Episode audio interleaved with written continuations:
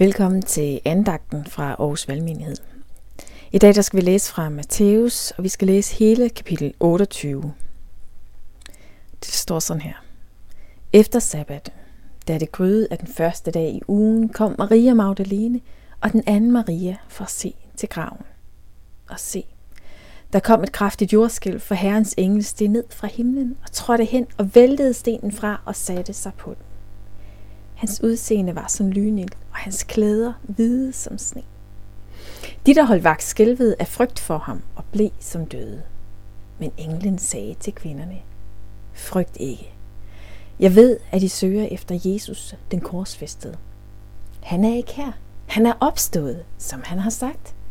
Kom og se stedet, hvor han lå. Og skynd jer hen og sig til hans disciple, at han er opstået fra de døde. Og se, han går i forvejen fra jer til Galilea. Der skal I se ham. Nu har jeg sagt jer det.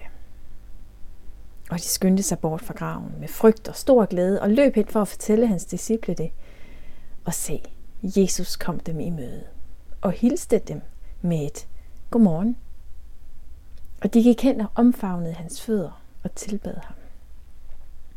Da sagde Jesus til dem, frygt ikke, men gå hen og sig til mine brødre, at de skal gå til Galilea. Der skal de se mig. Mens de var på vej, kom nogle af vagterne ind til byen og fortalte ypperstepræsterne alt, hvad der var sket.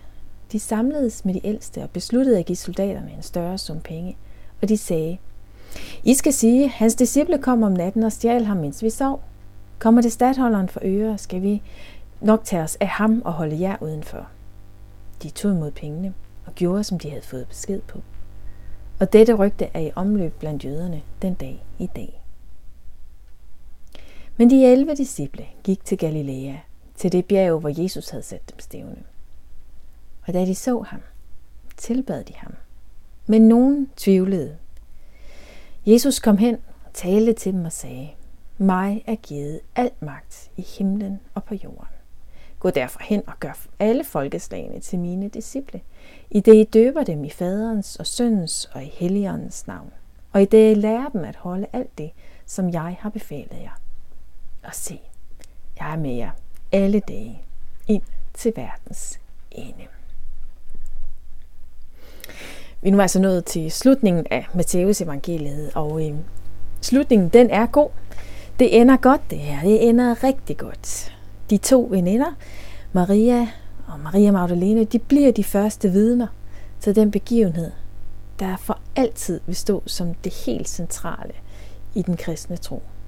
Opstandelsen, Jesus sejr over det onde, forsoningen. Det er den her begivenhed, hvorom alt står og falder. Men det er jo også noget af en overraskelse, og det er udfordrende at tro, at tro på opstandelsen.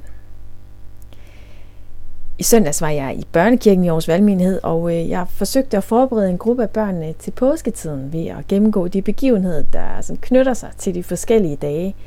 Og, øh, og det gik faktisk vældig fint. Vi snakkede om palmesøndag, om skærtorsdag og lang fredag, og men så skete der noget, da vi nåede til påskedag, og jeg forklarede, jeg forklarede det, som vi lige har læst sammen, at kvinderne gik ud til graven, og graven var tom, fordi Jesus var blevet levende.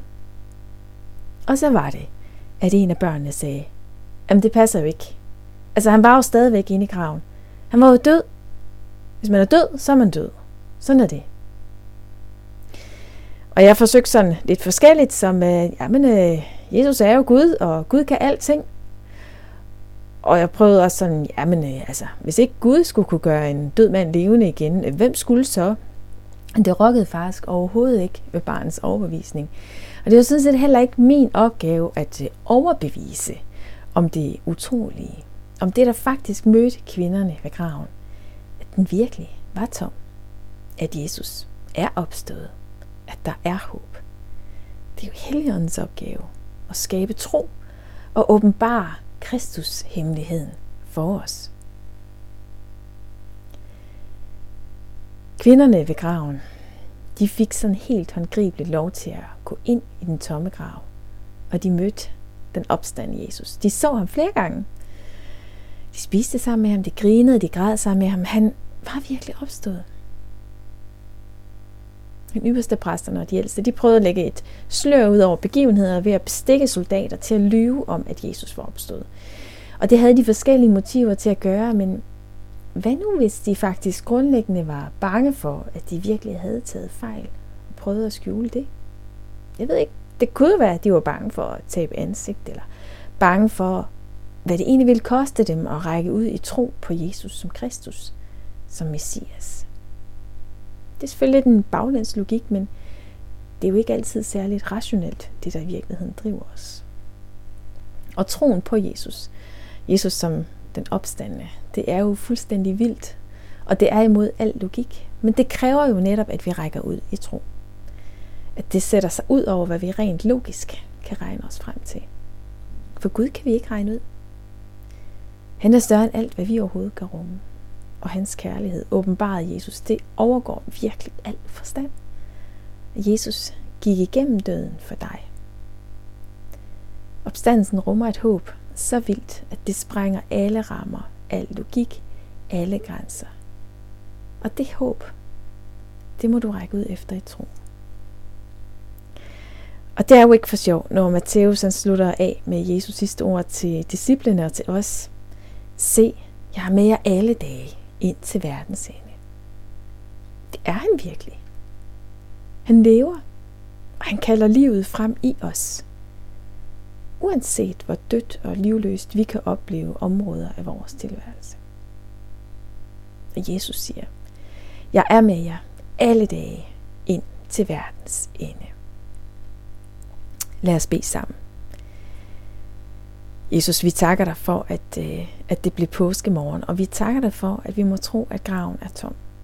Vi takker dig for, at du er levende, og du møder os lige der, hvor vi har allermest brug for, at dit lys skinner ind i vores mørke.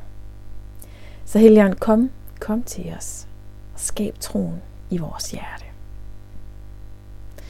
Og Jesus, jeg takker dig for, at du er med os alle dage. Jeg beder om, at vi i levende må erfare det. Også de dage, hvor vi synes, at der ikke er andet end mørke og død omkring os. Lad os da mærke, at du er der med liv og glæde. Amen. Kan I have en rigtig dejlig dag.